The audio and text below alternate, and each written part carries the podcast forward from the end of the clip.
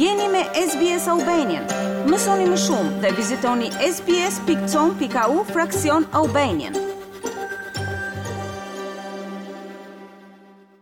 Kryeministri Rama ndodhet në Davos ku po merr pjesë në forumin botëror ekonomik. Ai ka zhvilluar një diskutim në një panel ku pjesë ka qenë dhe presidenti i Serbisë Aleksandar Vučić dhe është shprehur se në rajonin e Ballkanit Perëndimor BE-ja po pëson rënie dhe kjo duhet kuptuar sa më parë nga drejtuesit në Bruksel. Sipas kreut të qeverisë, kjo nuk po ndodh në Shqipëri, ku tha se popullariteti për Rusinë dhe për Putin është vetëm 0 presje 07% Ai u shpreh se rajoni është në një front kur vjen puna për të dënuar Rusinë. Rama tha se duhet mbështetje financiare nga BE-ja drejt Ballkanit Perëndimor, teksa sheh se Maqedonia e Veriut është e rrezikuar të shkojë drejt një nacionalizmi të thellë që mund të krijojë probleme.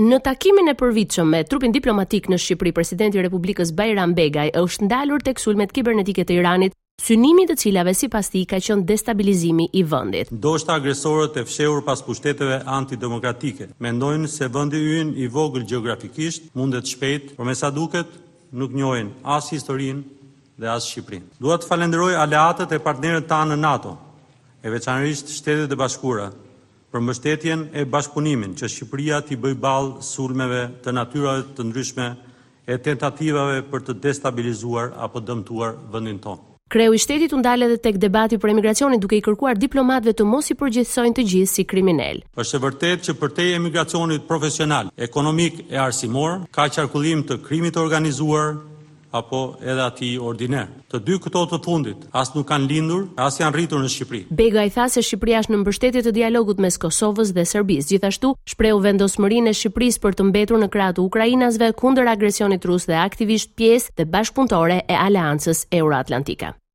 Kryetari i Partisë Demokratike Sali Berisha para mediave ka hedhur akuza ndaj kryeministrit Rama duke iu referuar inceneratorëve.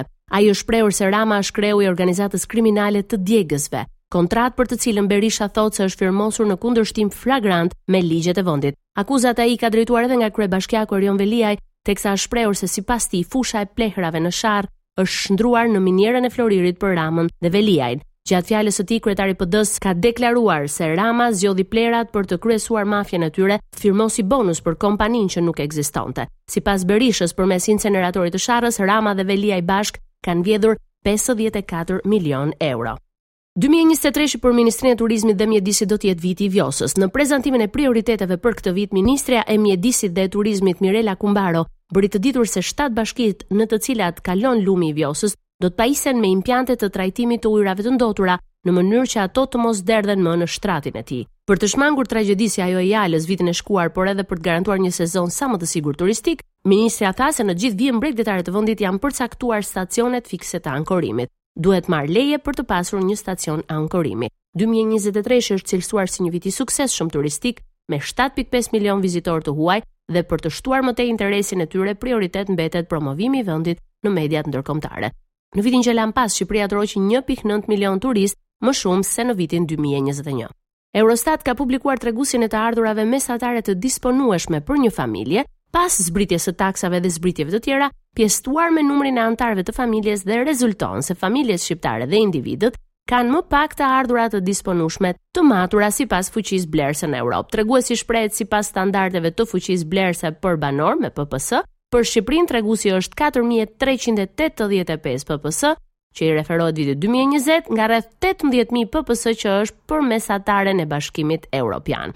Pra i bie se të ardhurat e shqiptarëve janë më pak se çereku i të ardhurave të shtetasve europianë ose sa 24.3% i mesatares europiane. Shqiptarët janë në fund të listës së fuqisë blerëse në Europë, më sipër saj renditet Maqedonia e Veriut me gati 6000 PPS, Serbia 6602, Turqia 6620, dhe Mali i Zi 6861 pps. Nga sot Akademia e Shkencave të Shqipërisë dhe ajo e Kosovës kanë nisur punën për shkrimin e enciklopedisë së parë shqiptare.